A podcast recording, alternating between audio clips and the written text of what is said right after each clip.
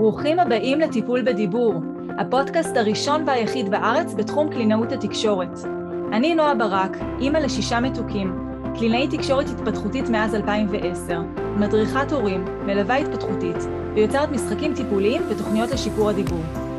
הפודקאסט עוסק בתחום השפה והדיבור מנקודת מבטה של קלינאית התקשורת, דמויות להורים ולכל מי שנמצא בתקשורת יומיומית עם ילדים.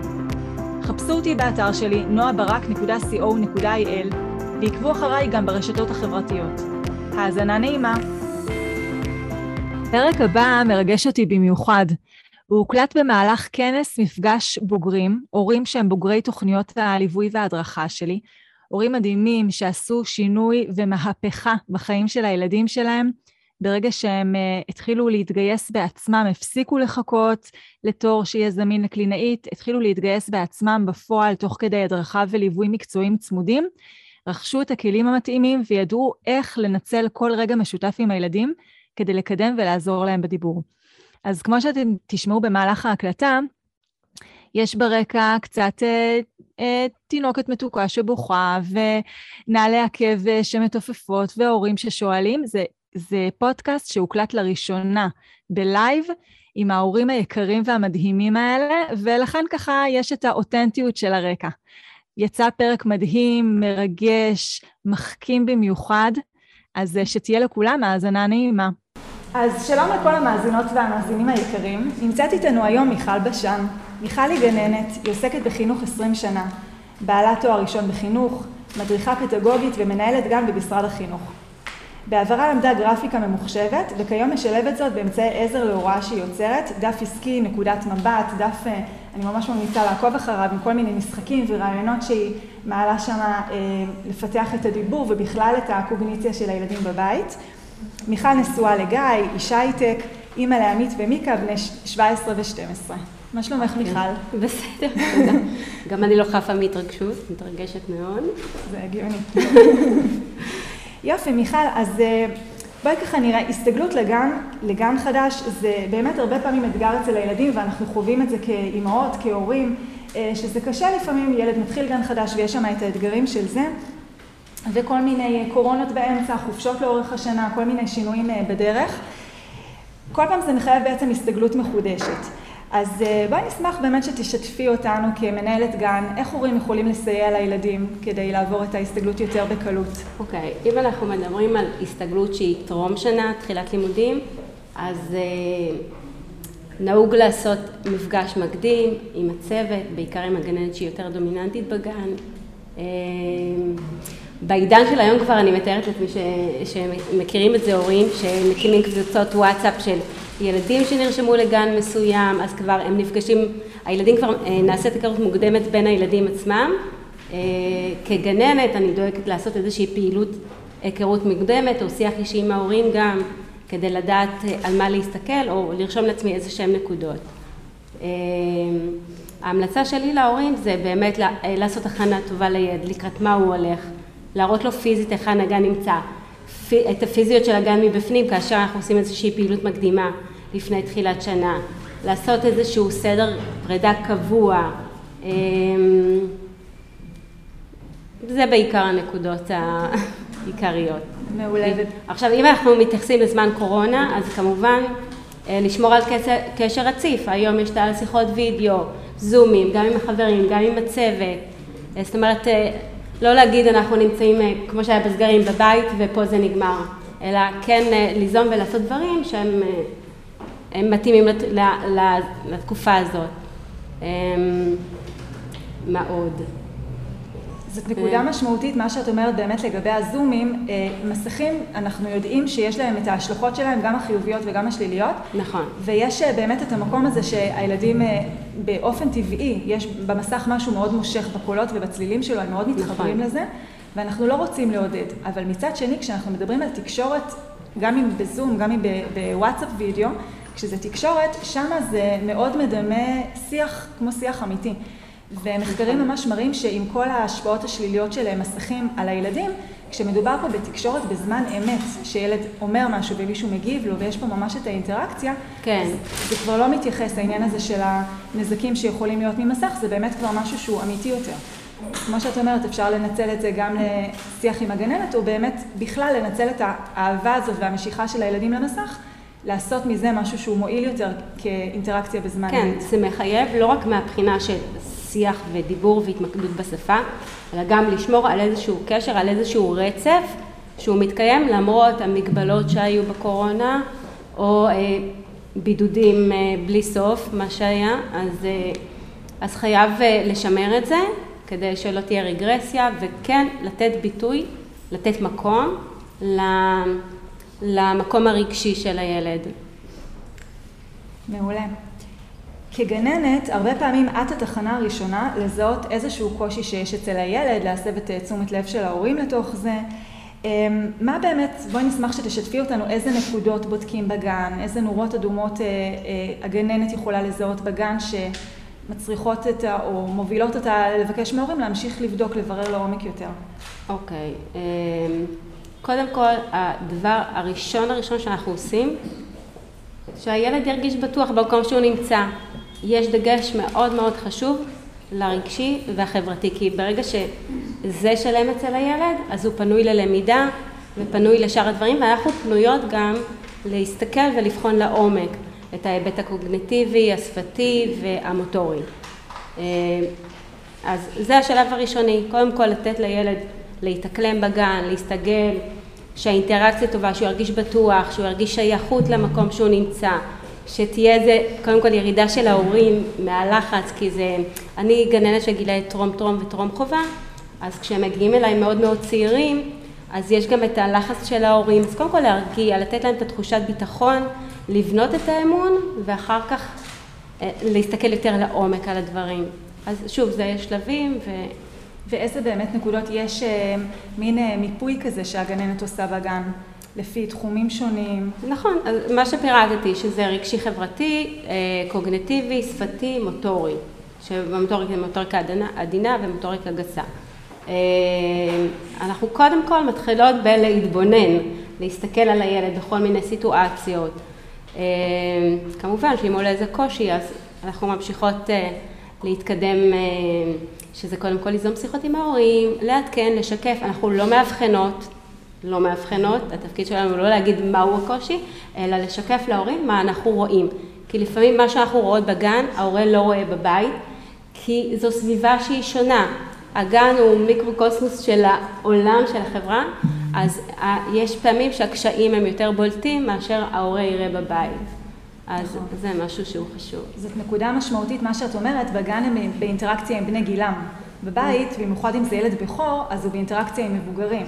נכון. והמבוגרים הרבה פעמים עושים חסד, כלומר, הם, אה, הם יתווכו לו והם יענו במקומו והם יבינו, ולא תמיד אה, הקושי כל כך יהיה בולט. אבל כשזה מגיע לגן, ילדים הם הדבר הכי כנה שיש, והם אומרים מה שהם חושבים, מה שהם מרגישים, אה, ואז באמת לפעמים צצים הקשיים האלה והאתגרים, כי, אה, כי הילדים שומעים מחברים אחרים שאומרים להם, מסביבים את תשומת ליבם. וזה גם מאוד משמעותי מה שאת אמרת, ההתבוננות, להתבונן בילד, לתת לו רגע את הזמן להתבונן לפני שישר אה, קופצים עליו עם כל מיני אבחונים ובדיקות, אה, זה כל כך חשוב ליכולות איך שהוא מביע. אה, וזה גם, אני חושבת, נקודה משמעותית באמת להורה, אם, אם בשבוע הראשון או בחודש הראשון שהילד בגן מפגין אולי איזה שהם קשיים חדשים, לנשום רגע ובאמת לתת לו את ההסתגלות, ואחרי שהוא מסתגל, אז לבדוק יותר לעומק אם באמת יש פה קושי או שזה רק היה משהו סביב העניין של ההסתגלות. כן, הזמן שהייה, ש, שאני יכולה, כאילו, אני, זה, זה לא מעניין של להתנשא, אלא אני יכולה לזהות קשיים די מהר, אבל אני לא אגש להורה מהר ואגיד, אוקיי, יש כאן קושי, כי אני יודעת למה זה יגרום, זה יכול לגרום להתנגדויות, את עוד לא הספקת להכיר את הילד שלי, איך את אומרת לי שכבר יש לו קושי? אז לא. לחץ. כן, לחץ של ההורה גם, אז צריך לקחת את כל הדברים האלה בחשבון. אז באמת לתת את הזמן שהייה, להרגיש שאני רואה קודם כל את הילד, ואחר כך אה, אה, להציף. צריך, כמו שאמרתי, צריך לבנות קודם כל את האמון, שזה גם לוקח זמן, ואז אה, לפנות אה, לדברים האלה, לקשיים. מצוין. ואם נתייחס ספציפית לתחום של הדיבור, באיזה שלב אה, התעורר אצלך איזשהו חשד שאולי יש לילד קושי בדיבור, אולי זה משהו שמצריך בדיקה הלאה? אמ, טוב, יש את המקרים שהם מאוד ברורים, שאני לא אמתין עם זה, אה, עם כל הרצון הטוב להכיל את ההורה והכל, אבל שהם מאוד קריטיים וצריכים, במיוחד שאני יודעת שהתהליכים האלה לוקחים זמן, עד שפונים וכל ה, מה שקורה בקהילה. אה, אז יש את המקרים שאני מאוד מהר לפני, אני יכולה גם לתת דוגמה. הגיעה אליי ילדה שהיא לא מובנת בכלל, אבל מבחינת האימא, אוקיי, לא מובנת, אבל אני מצליחה להבין אותה, אז זה לא עובד ככה. אה, אז הדבר הראשון שעושים זה להפנות לבדיקת אה, שמיעה. אה, והסתבר שהילדה לא שומעת בכלל. וואו. אז, אז התחיל כל התהליך והיא הייתה צריכה גם לעבור איזשהו ניתוח, לא משנה, אבל זה דברים שאני לא אחכה, זה היה ממש בשבוע הראשון של הגן, שממש, ויש את הדברים שלוקח זמן, גם עבורי, להבין, אוקיי, או שאני נותנת את הטיפול המתאים בגן, נעשית איזושהי עבודה אה, ונבנית תוכנית יחידנית, שאני יכולה כן לקדם אותו בגן, או שלוקח לי זמן ואני אומרת, אוקיי, צריך לעשות פה משהו קצת מעבר, ולשתף את ההורה, להפנות אותו לאן שצריך, ושוב, תלוי מה, מה הקושי שאני רואה. כן. אה, יכול להיות שגם הקושי הזה משפיע על עוד תחומים, רגשי, חברתי, טה-טה-טה, ואז זה למעשה מצריך אה, טיפול שהוא בשילוב גם הגן, גם הבית, גם הטיפול בקהילה, מאוד מאוד אינדיבידואלי. העניין הזה באמת של השמיעה הוא מאוד משמעותי, מה שאת אומרת, לפעמים אנחנו חושבים שהילד שומע טוב כי הוא חלילה לא חירש, יש אה, הרבה דרגות שם באמצע, זה לא שהוא לא שומע כלום, הוא כן שומע, אבל יש תדרים ספציפיים שהם מושפעים אה, מנוזלים שמצטברים באוזניים והם קשורים לצלילים מסוימים בדיבור. וכשאנחנו מדברים על ילד שרוכש שפה, זה לא מבוגר שכבר מכיר ואז חלילה יש לו ירידה בשמיעה, אבל יש לו הרבה, הרבה יותרות, הרבה דברים נוספים שיכולים לתת לו רמזים על הדיבור. כשמדברים על ילד שממש עכשיו בשלבי רכישת שפה, אם הוא לא שומע טוב, הוא לא יודע להגיד את המילה. נכון. וזה מאוד משמעותי. אני גם רוצה להוסיף כאן, אה, גן זה לא סוד, זה 30 פלוס ילדים, ואני יכולה לציין מקרה, למשל, שאני מתבוננת בילד, כמה חשובה ההתבוננות וההסתכלות. במשחק שהוא אינטימי של קבוצת ילדים, וואו, הוא משתף פעולה, הוא מדבר, הוא הכל. במפגש, דממה, הוא לא מצביע ולא שום דבר. אוקיי, משהו פה מוזר. ואז הגענו למסקנה שהוא בעצם, יש לו נוזלים באוזניים שגרמו לירידה בשמיעה, וכשזה במפגש וזה טיפה יותר רעש וטיפה, אז פתאום הוא, הוא פחות uh, מסוגל לשמוע. אז זה ממש להסתכל על, על לבחון את הילד בכל מיני סיטואציות uh, ולאורך היום בגן, ולא רק נקודתי, uh, כי זה באמת יכול ליפול על דברים מאוד מאוד קטנים שמפספסים את זה. אז uh, בהקשר למה שאמרת. נכון. ואם אנחנו מזהים שיש איזשהו קושי בדיבור של הילד, איזה אפשרויות תמיכה יש במסגרת של הגן? טוב, זה פחות אני רוצה להיכנס, זה מה okay. אוקיי. שדיברנו מבחינת, okay. אוקיי. יש. פה אוקיי. אילוצים של משרד החינוך וכל זה, שאני לא רוצה כל כך לדבר, אבל כן יש מענים, אם אני מדברת עליי כגננת, אז אני כן לבנות איזושהי תוכנית יחידנית שתקדם את הילד uh, uh, בקושי שלו, שיקוף מול ההורים, עבודה מול ההורים, להסביר איך להמשיך את העבודה בבית, אם הוא מקבל טיפול בקהילה, אז כן ליצור קשר עם הקלינאי תקשורת ולראות איך אנחנו יכולות בשילוב כוחות לקדם אותו ב, אה, ביחד, אז זה כן, אבל אוקיי. אמ, אוקיי, הרבה פעמים כשאנחנו מדברים על באמת אה, אה, טרום טרום, זה קצת פחות, אבל טרום חובה, כן יש כבר את הסתכלות לקראת כיתה א', מה אפשר לעשות שם כדי שהוא יגיע מוכן לכיתה א', והדבר שהוא מאוד בולט מבחינתנו זה קריאה כתיבה. קריאה כתיבה זה בין הדברים, הכנה לכיתה א', קריאה כתיבה. אבל אנחנו יודעים שבאמת אה, כשילד יוכל לעבור למסגרת של בית ספר, יש עוד הרבה דברים נוספים שצריכים להיות פה בתוך המערכת. אה, מה למשל? נשמח שככה תפרטי. אני חושבת שהקריאה כתיבה זה יותר, יותר אצל ההורים היום, כי אני חושבת נכון. שמערכת החינוך עשתה גם איזשהו, אה, איזשהו שינוי. זאת אומרת, יש יותר דגש על העניין החברתי-רגשי. שוב, כמו שאמרתי, ילד שלא פנוי רגשית, הוא לא יהיה מוכן ללמידה. אז קודם כל זה משהו שחשוב מאוד להתעסק בו. אם זה איך אנחנו מתעסקות בעניין החברתי-רגשי, זה התמודדות עם תסכולים, פתרון קונפליקטים, הקניית ערכים, עזרה לזולת, אמפתיה, כל המושגים האלה מקבלים משקל כבד בחינוך. אני רשמתי גם לעצמי שאני לא אשכח ואני אתרגש. אמשיך אתכם. אז כן, גם העניין של זיהוי רגשות, מה אני מרגיש, מה האחר מרגיש, לצאת מעצמי אל האחר גם. לדעת כיצד לבקש עזרה, איך אני פונה בכלל ומבקש עזרה, לא רק מהחבר אלא מהצוות, מהגננת, מהמורה שתהיה, איך אני עובד בשיתוף פעולה, זה לא, לא, לא כל ילד יודע איך לעשות את זה.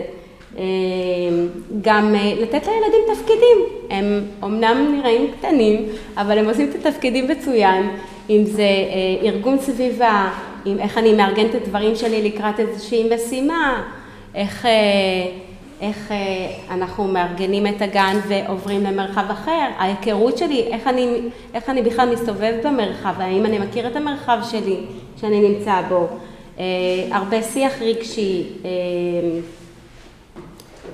וטוב, זה מה שרשמתי. ואלה דברים שנעשים בעצם במסגרת של כל הילדים ביחד, או שזה קבוצות קטנות, בתיווך, בסיטואציות שאתם יוזמים מראש, או שזה ככה יותר באופן טבעי בהתנהלות? זה גם באופן מזדמן, גם קבוצתי, גם במליאה, גם ב... בכל אספקט בגן, זה לא, זה לא משהו אחד וזהו, זה יכול להיות יחידני, יש ילדים שזקוקים יותר בתחום אחר, זה מאוד uh, תלוי, זה לאורך כל היום. אוקיי. Okay. שיתוף פעולה בין ההורים לגננת, שיש לנו את הילד שהוא הרבה שעות מה, מה, במהלך היום שלו נמצא בגן, ויש לו כמובן את הדמויות הכי משמעותיות בחיים שלו, תמיד זה, זה יהיה ההורים שלו. נכון. איך השיתוף פעולה הזה קורה, או איך...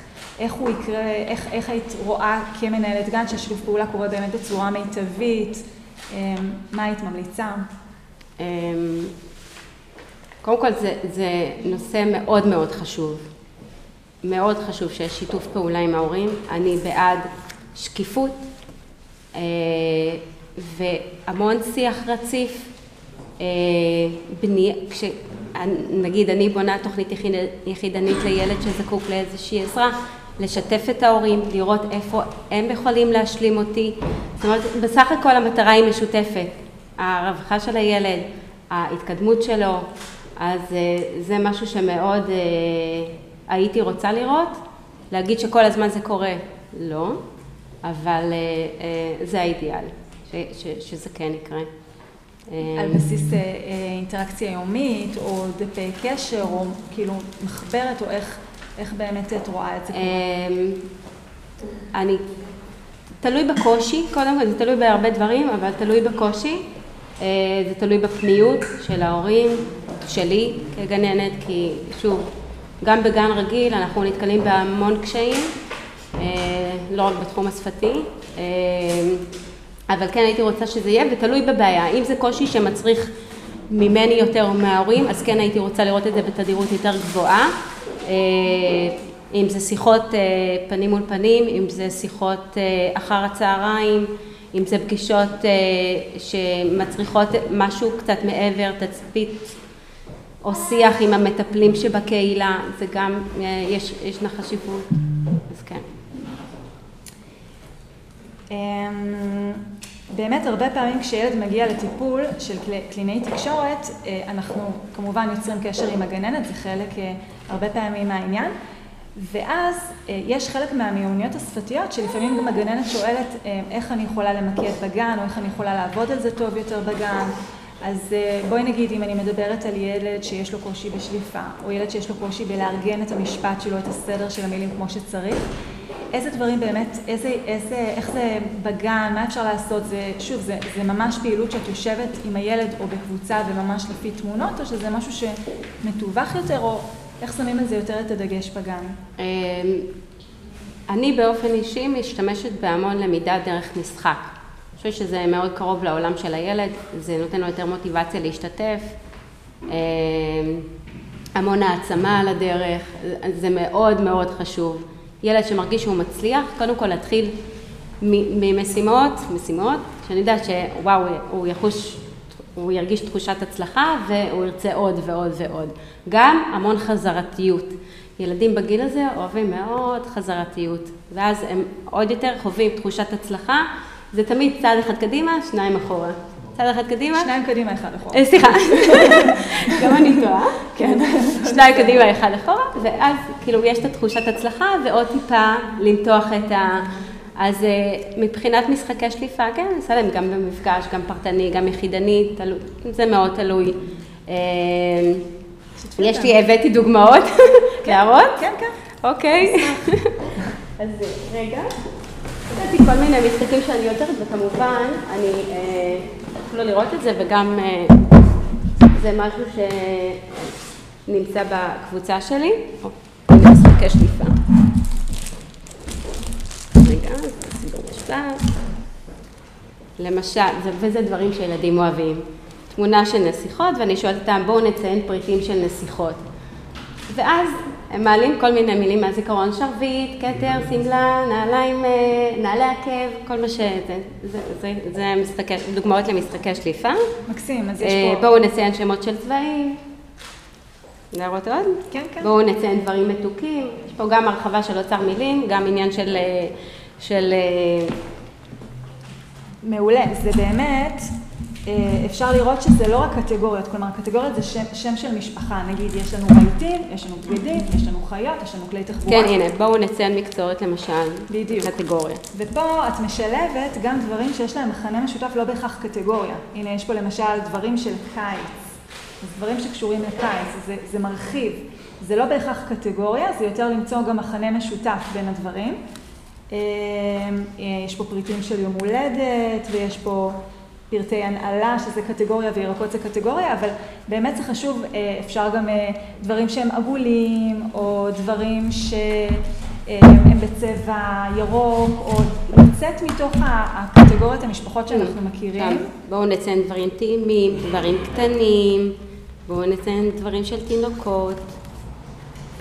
כלי תחבורה, כן. זה כבר נכון, זה גם קטגוריה, נכון. פרטי לבוש. אבל זה מעולה שאת משלבת באמת לא רק קטגוריה, אלא גם דברים שיש להם מכנה משותף, ואנחנו באמת יודעים שהדרך שילדים, או כל אדם בעצם, לומד מילים חדשות ומבסס אותם במוח, זה לא מספיק רק ללמוד, צריך גם ליצור את הכישורים במוח. ככל שמילה מסוימת קשורה לכמה שיותר סינפסות במוח, לכמה שיותר מילים אחרות, ככה היא מוטמעת עוד יותר, וככה קל גם יותר לשלוף אותה בזמן אמת. אז אם אני מקשרת, נגיד מלפפון, גם לדברים הירוקים, אבל גם לירקות, וגם לדברים המאורחים, וגם לדברים שיש להם קליפה, וגם אה, לדברים האכילים, אז כבר המלפפון הזה הוא לא רק בקטגוריה של הירקות, הוא יוצר פה המון המון סינפסות עם הרבה הרבה דברים אה, נוספים, ואז אם אני נתקעת להגיד מלפפון, אבל יש לי כל כך הרבה יותרות, אני יכולה להגיד הוא ירוק, אני יכולה להגיד הוא ירק, אני יכולה להגיד חותכים אותו, אני יכולה להגיד כל כך הרבה מידע נוסף עליו, ואז באמת אנחנו מתמודדים או מאפשרים לילד להעביר את המסר שלו בלי שהוא נתקע. אז זו דוגמה מצוינת. עכשיו, לגבי משפטים, יש משחק למשל, אילו הייתי. מקסים. ואז הם, הם חוזרים, אילו הייתי אסטרונאוט, אז הם אומרים, הייתי טס בחללי, אילו הייתי, זה כבר מבנה של משפט שהם מוציאים וזה מבנה קבוע. אפשר לראות שהם מתבלבלים, כאילו קצת קשה להם בהתחלה, אבל ככל שחוזרים על המשחק, המיומנות הזאת משתפרת. אילו הייתי כל מיני משחקי דמיון, שזה בעצם ליצור אה, מאפיינים של אותו דבר, כלומר, זה גם מערב לנו שליפה. נכון. וגם ארגון מסר, לבנות המשפט כמו שצריך, וגם למצוא, שוב, מה, מה מאפיין את אותו אסטרונאוט. כי אם למשל הילד אומר, הייתי אוכל ארוחת בוקר, נכון, אסטרונאוט אוכל גם ארוחת בוקר, אבל זה לא מה שהכי מאפיין אותו. כן. אז גם מפה, גם ממשחק כזה אפשר לצאת, אם זה בקבוצה, אפשר לצאת לאיזשהו שיח גם. אילו הייתי גיבור על, אז איזה כוח היה לך? מה היית עושה? למה דווקא הכוח הזה? זאת אומרת, כל משחק אפשר לקחת אותו גם למקום אחר. לא, דווקא למה שמייעדים אותו. אז זה גם, זה גם עוד נקודה. מקסים. זה גם שיח סביב רגשות, זה שיח סביב תחומי עניין של הילד. מקסים, נכון. עוד משהו שאת רוצה להראות בהקשר הזה? והשפתי, רגע. משחק שהוא יותר חריזה, זה משחקי קלפים, יותר שיח אישי עם הילד. חריזה זה כבר הכנה למודעות פונולוגית. כן, כן. נכון, מילים שיש להן מסתיימות באותו צליל, וכשילד יודע לזהות מילים מתחרזות, אז אחר כך הכנה לקריאה וכתיבה, הוא ידע גם מהאודיטורי, מה, מההאזנה, הוא ידע גם איך לכתוב את זה, איך זה מתבטא. אז החריזה זה ממש הבסיס הראשוני, וזה באמת בגיל כבר טרום טרום, נכון? אני עובדת על זה, אני באופן אישי עובדת על זה, למרות שזה לא הדרישה, אני עובדת על זה מאוד חזק גם בגיל הזה, ואפשר לראות כבר ילדים ש, שיש ניצני אוריינות, זאת אומרת, יש את הכתיבה, יש את הכתיבה הפונטית לחלק מהילדים. לפי ההאזנה. כן, אז... נכון, אז כבר בגיל טרום טרום את מתחילה עם חריזה. זה לא הדרישה, אבל אני אוהבת לפתוח, ואני מאמינה שילדים שמסוגלים כן לוקחים את זה, מקסים. מיישמים. באמת נשמח שתשתפי כמובן בעילום שם, במקרה של ילד שהתחיל את השנה עם נקודות משמעות, עם נקודת פתיחה חלשה יותר, ועשה איזושהי קפיצה משמעותית לאורך השנה. אנחנו יודעים שעכשיו ינואר-פברואר זה הוועדות לקראת שנה הבאה, לקראת מסגרת מתאימה, והורים צריכים עכשיו להתחיל תהליך, ותמיד זה מאוד מרתיע, כי מה, עכשיו מה יהיה בספטמבר, זה כל כך רחוק, ומצד שני, באופן כללי, מה איזושהי נקודה שראית שם קפיצה, שבעצם זה אפשרי. זה, זה שאנחנו עכשיו מקיימים את הוועדות, זה לא אומר שבטוח הילד בספטמבר יהיה במסגרת מסוימת, כי יש שינויים, קורים, נכון? טוב, זה קצת מורכב, פחות הייתי רוצה לגעת בעניין של הוועדות. לא, אוקיי, אבל ילד שעשה ככה קפיצה משמעותית. כן, אז כמו שאמרתי, יש ילדים שיש להם קשיים, אם אני לוקחת את הדוגמה של הילדה שאמרתי לך שהגיעה תחילת שנה, עם לקות מאוד ברורה בדיבור, זאת אומרת שאי אפשר היה להבין אותה בכלל. ילדה עם הירידת שמיעה שהייתה? שזאת שהיה לה ירידת שמיעה? לא ירידת שמיעה, פשוט היו נוזלים באוזניים עד כדי כך שהיא לא שמעה שום דבר והייתה צריכה לעבור איזשהו הליך ו...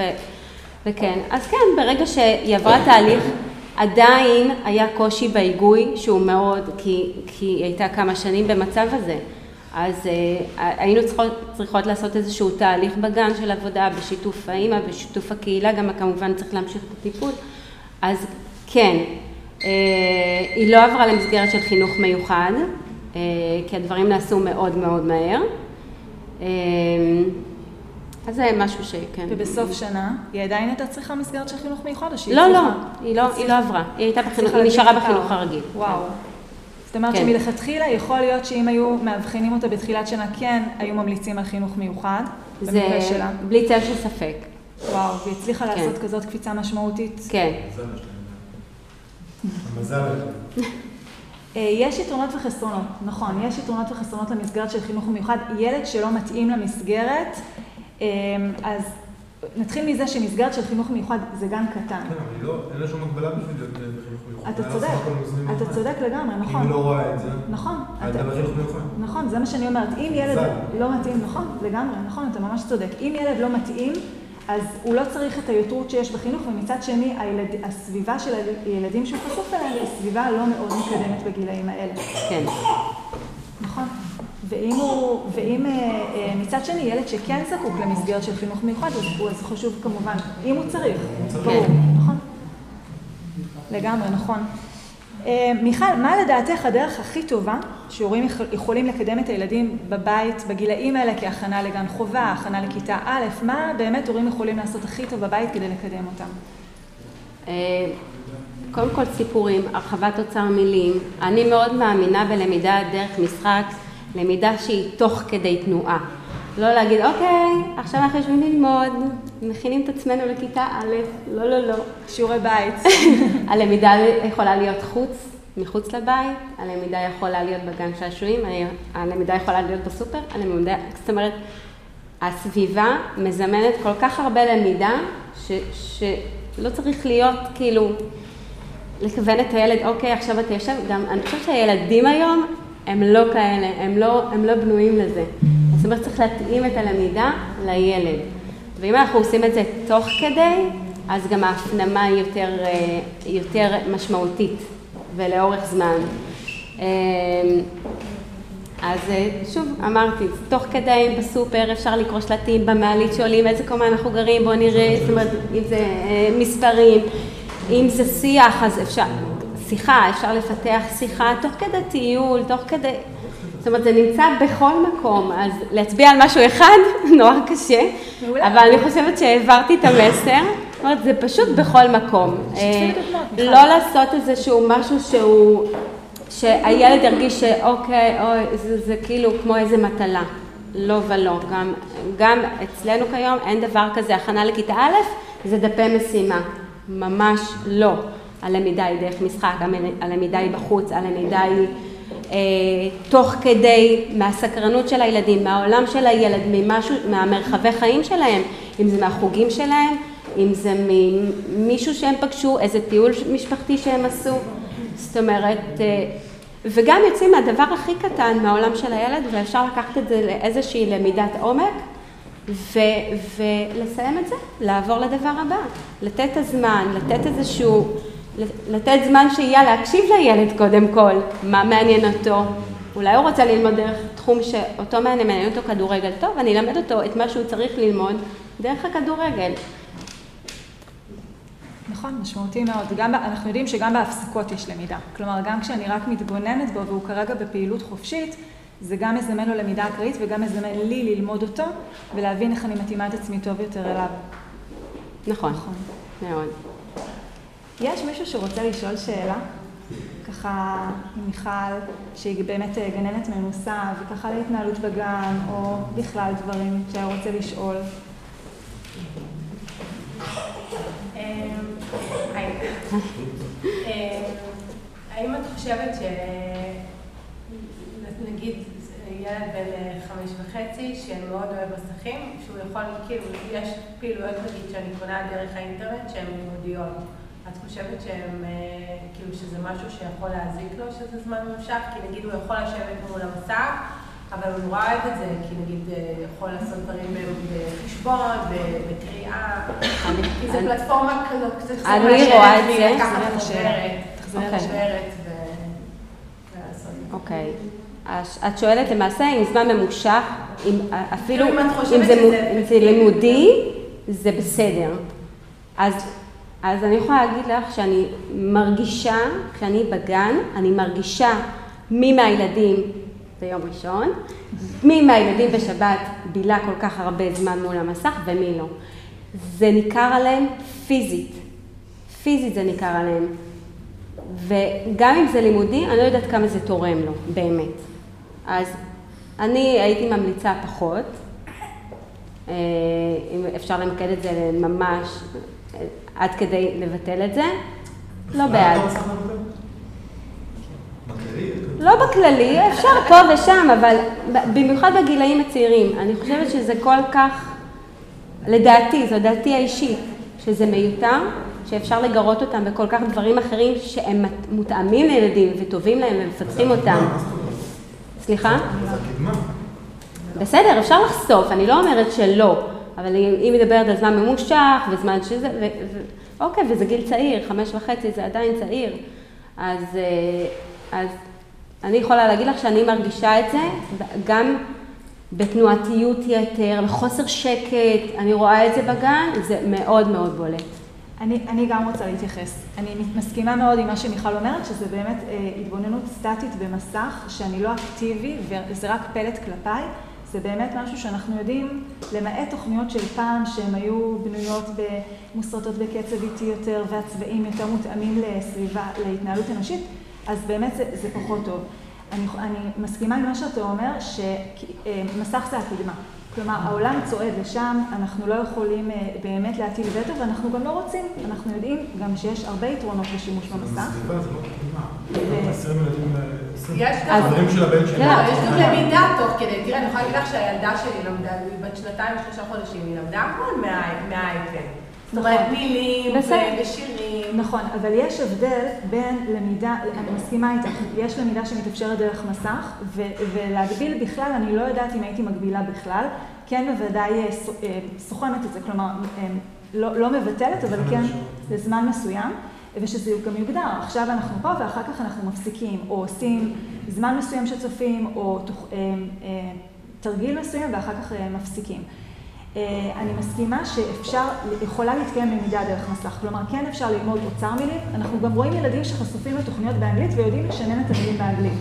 יש למידה שקיימת דרך מסך, זה נכון, אבל כשאנחנו מדברים על למידה של מילים ושפה בכלל, זה לא רק להגיד מילים לשנן אותם, אני צריכה לדעת איך להשתמש בהם. והקשר. בדיוק, גם בהקשר, בסיטואציה, מה זה נותן לי? אני רוצה להביע את עצמי, מילים, שפה זה כלי, זה כלי להבעה. יש ילדים שלא מסוגלים לדבר, אז הם מביעים את עצמם בתמונות. שפה אנחנו יודעים שזאת הדרך הכי יעילה להביע את עצמי בצורה הכי מלאה, אבל בסופו של דבר זה כלי. אז זה לא, אין לי פה עניין שילד ידע רשימה של 100 מילים ראשונות כמו שיש בספרים אה, ככה, וזה לא העניין, העניין הוא שהוא ידע מה לעשות עם זה. אם הוא יודע בובה, הוא יודע להגיד בובה רק כשהוא מצביע על תמונה מסוימת, אז זה לא מקדם אותו. הוא יודע להפיק מוטורית, הוא יודע להגיד מדויק. אני רוצה שהוא ידע להשתמש בזה בזמן אמת. מה זה הבובה, איך היא מרגישה, לעשות את ההכללה לבובות נוספות. אז לכן אני אומרת שלמידה ממסך זה אחד מהאספקטים שכן, אם אנחנו תוחמים את זה וזה משהו במיוחד שילד אקטיבי, וזה לא רק פלט שהוא מקבל, אלא הוא צריך לעשות שם משהו, אפשר, זה, זה, אני, אני לא שוללת אה, לחלוטין, אבל צריך לזכור שזה לא רק על ללמוד להגיד את המילים, אלא גם להשתמש בהם כמו שצריך. וזה באמת אה, הנקודה המשמעותית. אני כן הייתי רוצה להוסיף משהו אה, בדברים שאפשר לעשות בבית. בפעילויות ממוקדות שפה אפשר לשלב גם מספר מיומנויות, לעשות את איזושהי פעילות שפתית אבל עם תנועה. זאת אומרת, אה, אני גם משתמשת בזה בגן, אם אני פורסת להם סולם, ואז הם צריכים להטיל קובייה ולהגיד איזה משהו, או מילה והיפוכה, ולחבר ממקום אחד לשני, לחבר את כל המיומנויות, זה, זה, זה גם משפר את כל המיומנויות תוך כדי. אז אה, תחושתי, תנועתי, אה, אני מאוד מתחברת, זה גם משפר מיומנויות נוספות וזה גם עוזר להטמיע מיומנויות נכון. שפתיות. כי אנחנו יודעים שככל שאנחנו מגרים יותר חושים בתוך המערכת, נכון. וזה לא רק אודיטורי, זה גם ויזואלי ו- וטקטילי ותחושתי ותנועתי, נכון. אז ההטמעה של המידע היא, היא משמעותית יותר נכון. מעיין, רצית לשאול? הבן שלנו בן שנתיים ושמונה חודשים, זאת אומרת, הוא עדיין בגן פרטי, שנה הבאה הוא הוא עד לא מזמן לא היה מדבר בגן בכלל, והיחסים, לא משנה, בקיצור בזמן האחרון הוא ככה יותר מדבר. אני מרגישה שכל הזמן של הגן הוא כאילו, אה, אני לא מצליחה להפוך את זה לאפקטיבי מבחינת לימוד שפה כל כך. זאת אומרת, מה שיש, שיש בסדר, אבל מה אני, מה הייתי יכולה לעשות שם יותר ולהפוך את הגננת, כדי שכן יהיה לו איזשהו לימוד? כי למשל שהיינו בבידוד איזה חודש, פתאום ראיתי קפיצה. שהוא באמת, אנחנו יותר דיברנו על זה, כאילו זה מרגיש לי קצת זמן מבוזבז באיזשהו מקום מבחינת הלימוד של השפה. וזה הרבה שעות, הרבה שעות, וחבל לי על הזמן הזה, אז הייתי רוצה לדעת אם יש איזה שהם דברים שאפשר בכל זאת... אני מסכמת, אני חוזרת על השאלה שלך, היית רוצה לדעת מה אפשר לייעץ לגננת לעשות כדי לקדם אותו מבחינה שפתית בגן? אוקיי, השאלה אם נעשה שם אה, אה, איזושהי פעילות יחידנית, פרטנית, קבוצתית, מה, הסדר יום בגן, איפה נכנס כל העניין של, ה, של אה, העשרת אוצר מילים, מבחינת סיפורים, שירים, שירים בתנועה, הרי בגיל הזה זה ממש מזמן את זה. כל, כל העניין הזה, איפה, איפה זה משתלב בסדר היום בגן, איפה הוא מקבל את המענה הזה. נורא קשה לענות על משהו, ש... על מסגרת שאת לא נוכחת בה ואני לא נוכחת בה. זה הרבה בקבוצות, זה העניין, זה כאילו ה... זה בסדר, אם זה קבוצה זה גם טוב. השאלה, מה, מה היא עושה כדי לקדם את זה?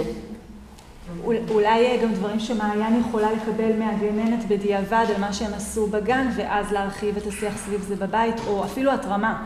הגננת יודעת שביום כן. מסוים... כן. אבל השאלה באמת, מה, מה נעשה במסגרת? האם משתפים אתכם ההורים? מה נעשה?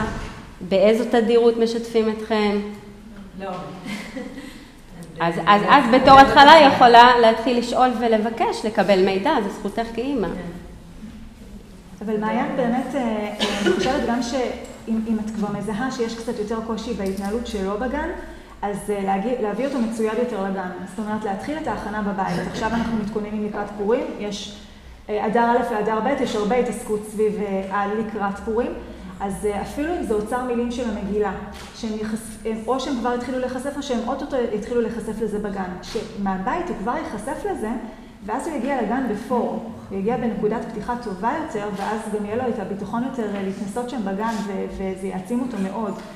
אמ, עוד דבר שאפשר באמת לעשות, זה אה, בבית איזושהי חוויה שעשיתם, איזושהי פעילות שעשיתם בבית, ואז להביא את הפעילות הזאת לגן למחרת, בין אם זה ממש תוצר אה, פיזי, בין אם זה בתמונות, ולהכין אותו מראש, לדבר איתו מראש, לשחזר איתו, להתכונן איתו מראש לקראת מה, וכשהוא יקבל מקום של במה בגן, כשיהיה לו ככה את הביטחון ואת ההתנסות שהיא תיתן לו את הביטחון והוא יצליח, אז זה ממש חוויה גוררת הצלחה.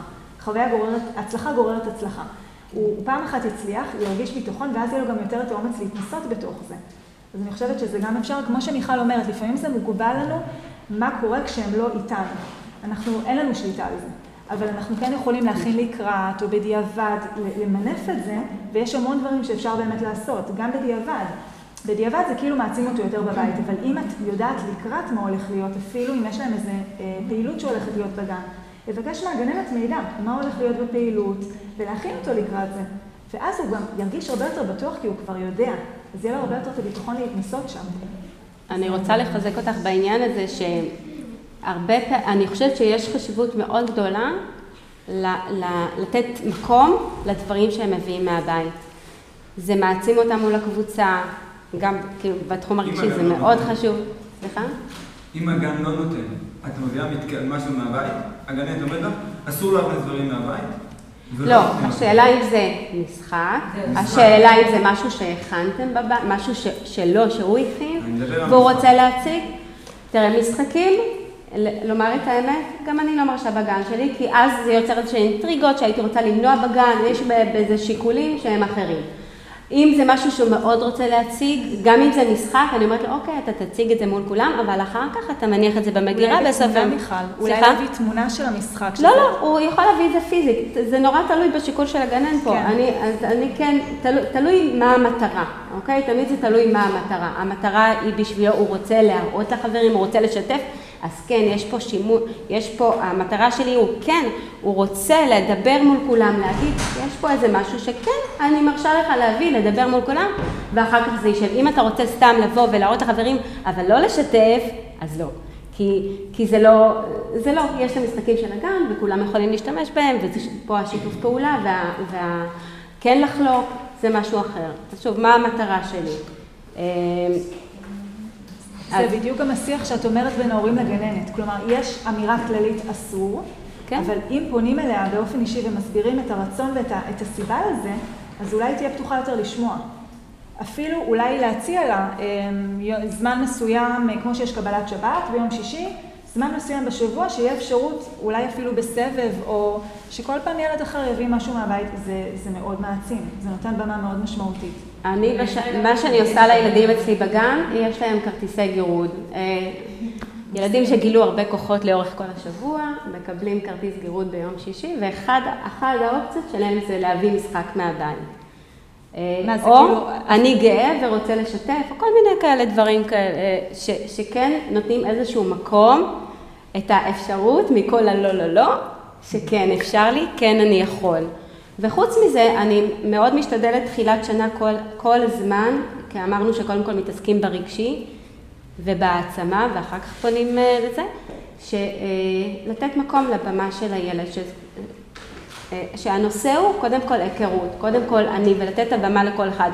אם זה להציג מה שהוא אוהב, אם זה להציג איזושהי פעילות שהוא רוצה, איזה חוזקה שלו, להביא את זה קדימה בפרונט מול הילדים. אני גם באיזשהו שלב לאורך הזמן נותנת לילדים להחליף אותי במפגש. את, הם, הם כבר למדו משחק שאני מלמדת, אוקיי, מי רוצה, והם, ויש פה את השיח מול קבוצה, ולתת להם את הביטחון, את ה, כן לתת מקום אה, מאוד מאוד גדול ל, ל, לדימוי העצמי, למי אני בתוך הקבוצה, מה אני רוצה להעביר, מה אני רו- רוצה שיראו את הכוח שלי, אני רוצה שיראו את החוזקה שלי, אז כן לתת ביטוי לדבר הזה גם כן. כמו שמעיין אומרת, זה, זה גשר בין הגן לבית, כן. וכשיש את הגשר הזה חלק יותר, אז אנחנו רואים שגם המעברים הם קלים יותר. בין אם זה אה, התנתקות בבוקר מאימא לגן, המעבר נכון. הזה, וגם מעבר הביתה. יש ילדים שבאמת לוקח להם קצת זמן הסתגלות מסוף הגן עד שהם מגיעים הביתה. אז כשיש פה גשר וזה מרגיש לילד כמה שיותר רציף ו- ודומה, אז זה באמת נותן את הביטחון הזה. נאורל רוצה לשאול. אותו ילד, יש לנו שני ילדים גדולים יותר, אנחנו לא עושים השוואות, אבל אנחנו פשוט לא מכירים ילדים אחרים, והם ילדי פברואר. אז הם הגיעו ממש גדולים לגן, והם ידעו לדבר שוטף. והוא הולך לעלות עוד אה, מספר חודשים, שנה, אני לא יודע, שבעה. ושבעה חודשים. ורציתי לדעת... עולה ל? לגן ילד, ראשונה. פעם אוקיי. ראשונה. ורציתי לדעת מה הרמה הממוצעת שמגיעים לגן, בדרך כלל. וואו, זה משתנה, זה, זה 35 ילדים, נכון. כל, כל אחד נמצא במקום אחר. לא, מה הממוצע שמבחינתך הוא... מה מצופה? מה מצופה, יותר נכון, שלא צריך טיפול אה, שאת רואה התקדמות? תראה, אם, אם יש לי, אם אני בתור אה, גננת שרק מכירה את הילד ואני מסוגלת להבין אותו, את הרצונות שלו, אם הוא מסוגל להביע את עצמו, לא רק במילים, גם בג'סטות, לחוות, אני, בעצ... לא משנה, העיקר שאני יכולה לתקשר. איתו, מבחינתי הוא נמצא במקום טוב. אוקיי? ואם אני רואה בהמשך שכן צריך טיפול, או כן- כן צריך להפנות וזה, אז כן אני אעשה את זה. אבל כן חשוב לי שיש את התקשורת. כן, תקשורת זה יכול להיות, כמו שאמרתי, לא רק ב- במלל. אני יכולה להוסיף שבאמת אה, מבחינת ציפייה מילד בן שלוש פחות או יותר, אנחנו מצפים ש-80% ממה שהוא אומר יהיה מובן לאדם זר שלא מכיר אותו. אז זה פחות או יותר הציפייה, הוא לא חייב להיות פיקס בהכל, אבל כן שהרוב המוחלט של מה שהוא מנסה להגיד כן יהיה מובן לגננת נניח שפעם ראשונה פוגשת ולא מכירה אותו. זה, זה פחות או יותר מבחינת גם הציפייה. בהקשר של חברים זה משמעותי, לא? הקשר של חברים זה תמיד הכי, הכי מאתגר. זה הכי מאתגר כי זה הכי אמיתי. אין את התיווך, הגננת יכולה לתווך, יש לה אה, ככה ראייה של מבוגר שיכולה להבין טוב יותר, והחברים זה... כן, גם יש פה עניין של אם הילד לא מובן לחברים שלו, הם מאבדים מאוד מהר את האינטראקציה. זה לא מחזיק. זה כמה דקות, ופה זה נגמר כי אין את הפינג פונג. נכון. רגע, אורל רצתה לשאול. אה, ילד בן חמש וחצי עם קושי שפתי וקונקטיבי. עכשיו יש שיקול שאולי להשאיר עוד שנה בגן. אבל אם הילד רגשית לא מוכן לזה, הוא אומר לי ממש, אמא, אני לא מוכן, כל החברים שלי עולים לכיתה א', גם אני רוצה, אני אלמד. השאלה אם אני לא אפגע בו בהישארות עוד שנה ברגשי, ואני פשוט ישיג לי אחורה. זה כאילו המפגש בין הרגשי ל... כן, טוב, זה כבר דורש אה, התערבות של אה, פסיכולוגית, ו- ויש את כל ה... אני מניחה שעברתם כבר מבחני בשלות וכל זה. זה, זה התעסקות שהיא לא ברמה רק של הגננת, אוקיי? זה כבר משהו שהוא דורש קצת מעבר. אבל באמת במערכת השיקולים הייתי יודעת להגיד מין משהו כללי כזה. אני ש- חושבת שכן צריך לתת מקום ביטוי לילד, אבל זה, זה תחום מהותי. זאת אומרת, ברגע שעולים לכיתה א', אי אפשר לחזור אחורה. אז כן צריך, ל- המבוגר האחראי צריך לקבל פה איזושהי החלטה שהיא, שהיא נכונה עבור הילד, למרות הקושי. זאת אומרת שגם... זאת הראייה שלי באופן אישי. גם, גם אם יש לו רצון ורגשיות, ומבחינה רגשית כן. הוא בשל, זה, זה לא השיקול הכי מרכזי. הוא רגשי לא. בשל, היא אמרה. לא, לא בשל להישאר. בגן. לא אוקיי, להישאר. אבל לא בשל רגשית מבחינת ה- מבחינה מקצועית או לא? קוגניטיבית, קוגניטיבית ושפתית. קוגניטיבית ושפתית. זה כאילו המפגש הזה. כן, של הרגשי והקוד... כן, יש פה, יש פה איזו דילמה שהיא אה, משמעותית, אה, אבל פה המבוגר האחראי צריך לקבל את ההחלטה עבור הילד, למרות... ה... כי ילדים בסופו של דבר, ברגע ש... אפילו מעבר של גן אחר ולא הישארות באותו מבנה, זה גם שיקול. זאת אומרת, אפשר, אפ- יש חשיבה שצריך לעשות, לא לקבל אה, החלטות שחור או לבן, אלא להסתכל על המכלול, ואולי גם לקבל איז- איזושהי עזרה כדי לקבל אה, החלטה, איזושהי עזרה מקצועית. חשבתי אולי כאילו לשנות את הגן, כדי שלא ירגיש שהוא באותו גן, כן, משם. שירגיש גם איזשהו סוג של שינוי, כי הרי מכינים אותם לאיזשהו שינוי ולאיזשהו מעבר. כן. תודה. כן. רציתי לשאול באמת איך אפשר לגרום לנחיתה הרכה הזו בין משפחתון, מעון, לאחר כך טרום טרום חובה, לאו דווקא שפתי. כן. רגשית, חברתית, יש לנו שבעה חודשים, איך אפשר באמת כל פעם להנחיל איזושהי עזרה או פתרון לשנה הבאה? כן. אז את שואלת איך אפשר להקל את אה, כניסה לגן עירייה, שהוא מסגרת שונה לחלוטין. אני כמבוגר... אני חייבת לציין עבור- אני חייבת למרות לציין שיש ש- לי גדולה בבית, אני זוכרת שכשאני ישבתי במפגש הכנה לגן עירייה, אני ישבתי ואמרתי, יואו, איך היא הולכת לעשות את זה? היום היא כבר בכיתה ב', היא אכלה את זה בלי מלח, אבל אני עדיין מפחדת מזה שוב. כן. הרבה פעמים זה שנים. ככה, הרבה פעמים שאנחנו מפחדים יותר. כן, יש משהו של חמש שנים, זה מרגיש לי עוד פעם כמו ילד ראשון שאני מעלה לגן כן. ואני שוב עם האימא'לה הזה. אה, אני ממש מבינה אותך, אני פוגשת את זה כל שנתיים, כי קבוצה ממשיכה, ואז אני צריכה להזכיר להורים, אה, אתה זוכר איך הוא התחיל את השנה? כי, כי נכון, יש את החשש, אבל אה, לפעמים גם כשעושים את ההכנה הכי טובה, בסופו של דבר, זה- נורא תלוי בילד. יש ילדים שבאמת עוברים את זה אה, נורא בקלות, ויש ילדים ש, אה, שקשה להם. איך אנחנו יכולים להקל עליהם? זה כמובן הכנה, הרבה שיח. לארגן איזשהו טקס פרידה כזה כל בוקר. ההסתגלות עצמה היא כמה ימים. זה יום ראשון מסיימים ב-10, 11, יום שני 12, וכבר ביום השלישי, היום הוא רצוף, אפילו גם הצהרון.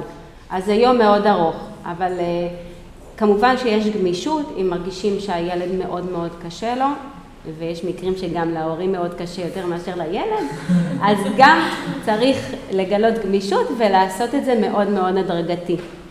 אה, מלבד זאת, כן, לקיים איזשהו, אה, איזושהי פגישה שהיא טרום שנה, גם עם החברים שיהיו איתו, גם אה, ליזום איזושהי שיחה עם הגננת, אם אפשר, לא כל הגן, אני יודעת שזה לא קורה בכל הגנים, אבל זה, זה, רובן כן עושות את זה. אה, איזה שיח מקדים, איזשהו משהו, אפילו להראות תמונה, לקחת פיזית אותו לגן, להראות, אתה רואה, כאן אנחנו נצעד לגן, ככה הוא ייראה, זו החצר אם אפשר להציץ. אה, לעשות הכל כדי גם להכיר את המבנה הפיזי, גם את הדרך על הגן, גם מה הולך להיות, איזה חברים יהיו איתו. אני חושבת גם, אה, אני חושבת ככה בקול, שזה זה שחלק משאלה גדולה יותר של התמודדות עם שינויים. אני יכולה לספר על הבת שלי, שהיא עלתה לכיתה א', והיינו במפגשי הכנה והכל, מה זה זרם פיקס? היא הייתה בערך הילדה היחידה שהשתתפה במפגש הכנה והיה נראה טוב, ממש כניסה מושלמת, ומאוד הופתענו שדווקא היה מאוד קשה בהתחלה. ו- ו- ולא לא צפיתי את זה במסגרת של המעבר לבית ספר, אבל אחר כך בדיעבד, כששחזרתי, אמרתי, זאת באמת ילדה שצריכה יותר תמיכה במעבר של שינויים באופן כללי. ואני חושבת שאם אני מזהה שלילד שלי קשה באופן כללי עם שינויים, אז, אז אה, גם מתוך המקום הזה של בכלל להרגיל אותו לדברים חדשים, ככה אה, לחשוף אותו לשינויים, זה יכול להיות שינוי כשהולכים לבקר חבר חדש, ואז איך אנחנו תומכים בו שם, ומעצימים לו חוויות של הצלחה, הנה אתה רואה, הצלחת, הסתדרת, ושינוי כמו שמגיעים לאירוע משפחתי, זה גם מקום של שינוי. ואם אני אה, נותנת לו את הכלים באופן כללי להתמודד עם שינוי בצורה יותר טובה, אז אה, כשזה תופס אותנו במעבר למקום חדש, בין אם זה גן או בין אם זה מה שזה לא יהיה, אז יש לו על מה להסתמך חוויות קודמות של הצלחה שהיה משהו שונה וצלחתי אותו ועכשיו קל לי קצת יותר. אני חושבת שזה גם ככה אפשר מהמקום הזה. סליחה. הנה, גם, גלי גם, רוצה לשאול. סליחה רגע, גם לא לחשוש מהמקום הזה. הם, אה, גם אם הוא יבוא הכי מוכן, הם פתאום רואים ילדים אחרים שבוכים, ואז זה מאוד מדבק. כן. אז לא, לא לפחד גם מהמקום הזה של הבכי, ומהמקום אה, של, של, אה, שהוא מפגין קצת קושי בפרידה. כמה זמן. זה סביר באמת, מיכל, של קושי בפרידה? כאילו, למח... נניח שאין חגים בדיוק בחודש הראשון של השנה, אבל כמה זמן הסתגלות זה סביר? רוב רובם של הילדים, תוך שבועיים כבר אה, הפרידה נעשית מאוד מאוד קלה והם כבר אה, משתווים, כי הם היו במסגרות קודמות, הם יודעים שזה זה גיל שהם יודעים כבר שאימא הולכת ואימא חוזרת ו, והכל בסדר, אבל נורא קשה להם, הקושי שלהם זה הוא להסתגל לסדר יום בגן עירייה. הסדר, כן, הרבה פעמים הם נרדמים ככה בסוף היום ו, וזה בסדר. אה, אה, הכי חשוב שההורה מרגיש בטוח במקום שהוא נמצא. אני חושבת שזה מאוד משפיע גם על התחושה של הילד. גלי רצתה לשאול.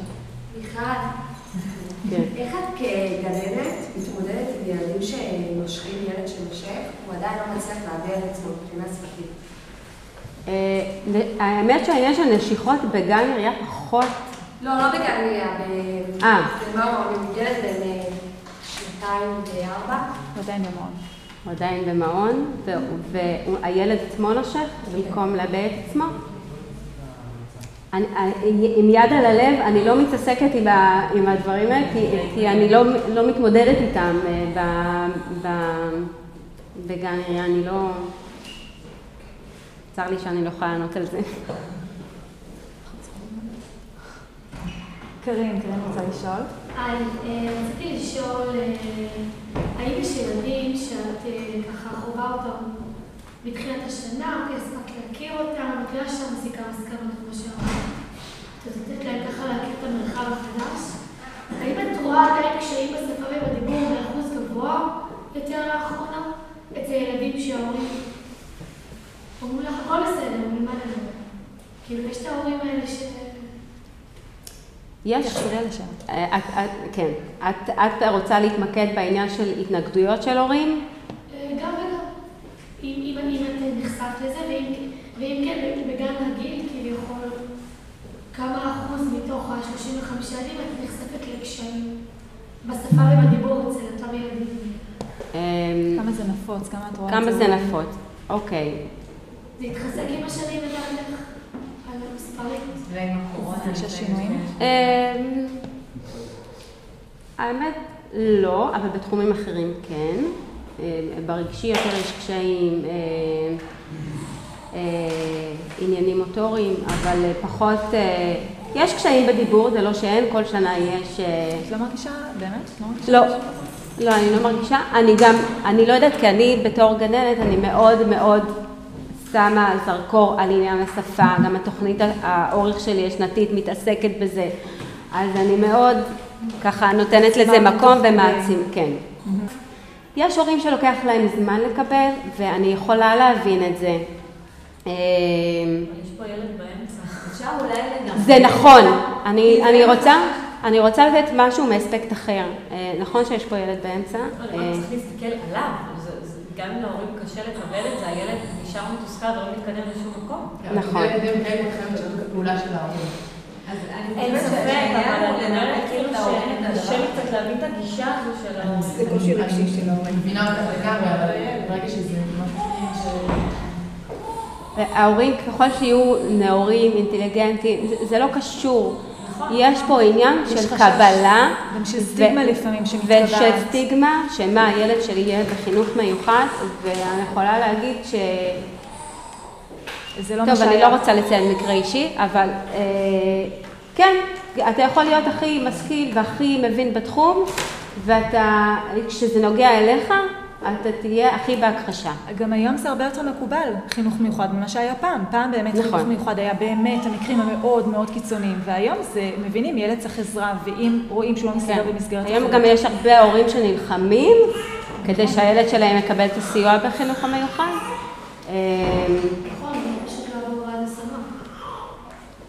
אני יודעת מניסיון אישי שלי, שאני עשיתי המון. מאמצים שהילד שלי הבכור ייכנס לגן שפתי, וגם הבן הקטן שלי שאני מיישם את השיטות אה, שלח נוער, ווואו, כאילו, זה, זה מדהים. זה מאוד תלוי מקום מגורים. יש מקומות מגורים שמתחננים לשאוב את ההורים שייכנסו, כי אחרת לא, תיפת, לא ייפתח גן, ויש מקומות שיש אה, עודף, זה מאוד תלוי.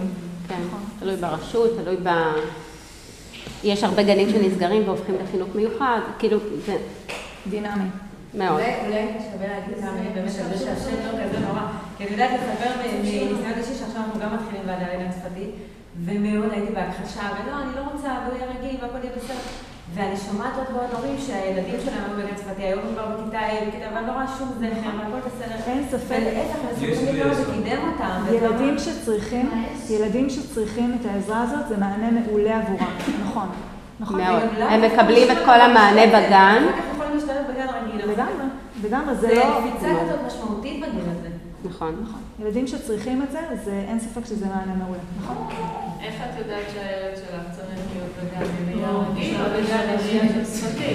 בעיקרון, האינדיקציה, האינדיקציה הכי טובה בעיניי, זה, קודם כל אם הילד לא מקבל עזרה בכלל, אז ברור לי שהסיכוי שהוא יצליח לסגור פער שכבר פתוח בתקופה כזאת קצרה, הוא סיכוי מאוד נמוך, אז אם הוא לא מקבל שום עזרה, אז כן, אין פה ברירה אחרת.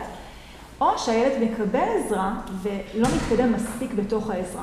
כלומר, אנחנו רואים שהפער לא מצליח להיסגר. אם אנחנו רואים שילד מקבל עזרה ומתקדם, מתקדם, מתקדם בכמות אה, ניכרת, ברמה ניכרת, ומצליח לצמצם פערים, אז זה לא בהכרח, אה, לא הייתי ממליצה בהכרח לשים אותו במסגרת של גן שפתי. זה מאוד תלוי ההתקדמות שלו ביחס לעצמו, ובתנאי כמובן שמקבלים שם עזרה. אם לא מקבלים עזרה, אז אם הוא לא יתקדם עד עכשיו ולא יצליח, הפער רק הולך וגדל. אז הסיכוי שהוא יצליח לבד לסגור מאוד נמוך. אבל אם מקבלים עזרה, זה מאוד תלוי כמה הוא מתקדם בתוך העזרה הזאת, ולראות אותה. זה לא הוא יש מצב שהילדה עכשיו הולכת נכנסת לגן עירייה, אה, הגננת רואה שעדיין מאוד קשה לה וזה, והיא אומרת לאמא, אמא, אני ממליצה לך לתת אותה בגן כן. כאילו- אני, אני רוצה, לה, לה, יש פה נקודה מאוד מאוד חשובה. אנחנו נתקלים בהרבה מקרים שבגן הפרטי מפספסים.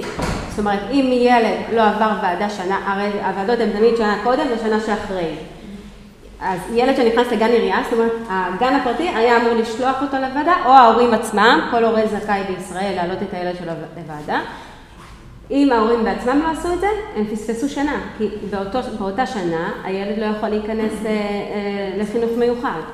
אז יש פה חשיבות מאוד מאוד גדולה גם לערנות של ההורים, כי בגן פרטי לא תמיד שמים או נותנים על זה דגש או יודעים להסתכל על הדברים האלה, על הדברים שמצריכים כן איזשהו אבחון התפתחותי, לא צריך להיות מאבחנים, צריך רק לזהות איזשהו קושי ובאמת לשוחח עם ההורים ולהפנות אותם אה, לרופא התפתחותי ומשם כבר אה, נעשים אה, התהליכים שצריכים להיעשות. אני, אני חושבת פשוט בגלל הגיל הצעיר הם לא, הם לא ממהרים, כאילו, לשתף את ההורים, כאילו, במקרה שלנו לפחות, כאילו, מבחינת הגננת זה היה תואם גיל. זאת אומרת, אם אני לא הייתי רוצה לפנות לעזרה או לקחת אותו, זה מבחינת הגן, כי זה מעון. כן, זה תלוי בהרבה דברים, לא רק אה, תלוי גיל.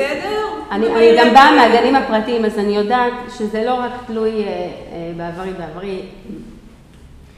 אז זה לא רק תלוי זה, יש, יש פה גם עניין של הימנעות לשוחח עם ההורים ויושב על הרבה דברים, אז כן, הערנות של ההורים מאוד מאוד חשובה. גם יש הרבה, יש גם נטייה מאוד גדולה של ההורים להסתכל על הילדים הפרטיים שלהם כצעירים עדיין. אז יש פה שני היבטים, גם הצד של הגן הפרטי, גם הצד של ההורים, אז שילוב של שניהם, ואז אוקיי, בגן עירייה פתאום הם מגיעים. מה הוא אמור לעשות את זה? מה הוא, כאילו, זאת אומרת, יש פה איזה, ההורים מאוד מופתעים, איך לא אמרו לי, איך לא ידעו, וזה לא רק קושי שפתי, אני נתקלתי הרבה פעמים בילדים שהם על הרצף, והם מפספסים שנה בגן תקשורתי בגלל שלא הפנו את ההורים ולא עשו את, ה- את הדברים שצריך לעשות. אז כן, חשוב להיות עם יד על הדופק. שאני קודם.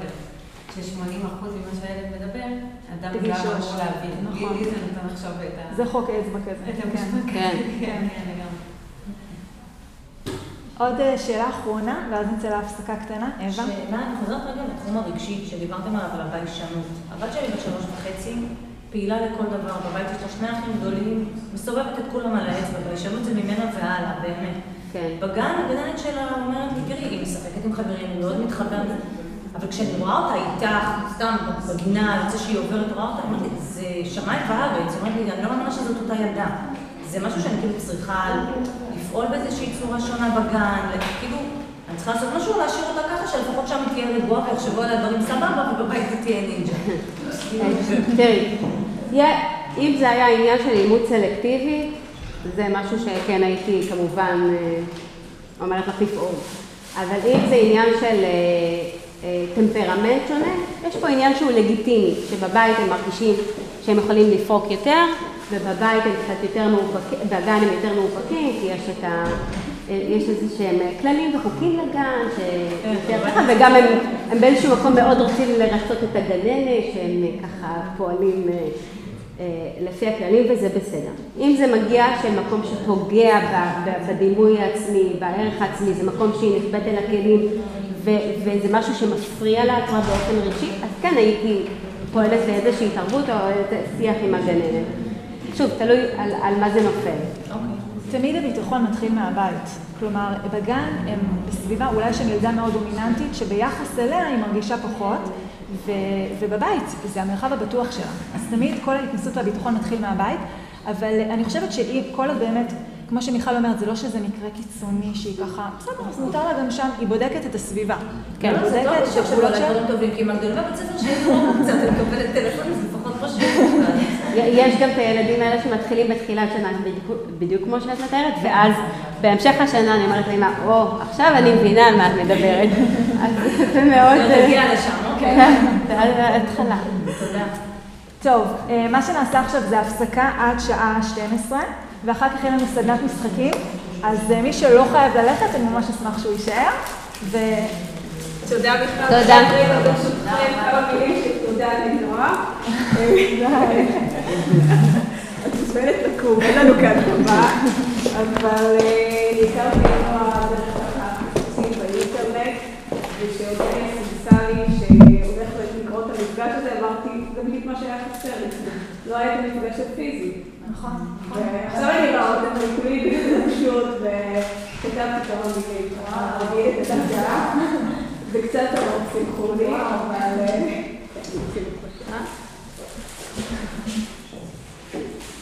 שנייה, אז נביא את הצלם בינתיים. אתה מחליף את האורחים מצוין. רגע, אני...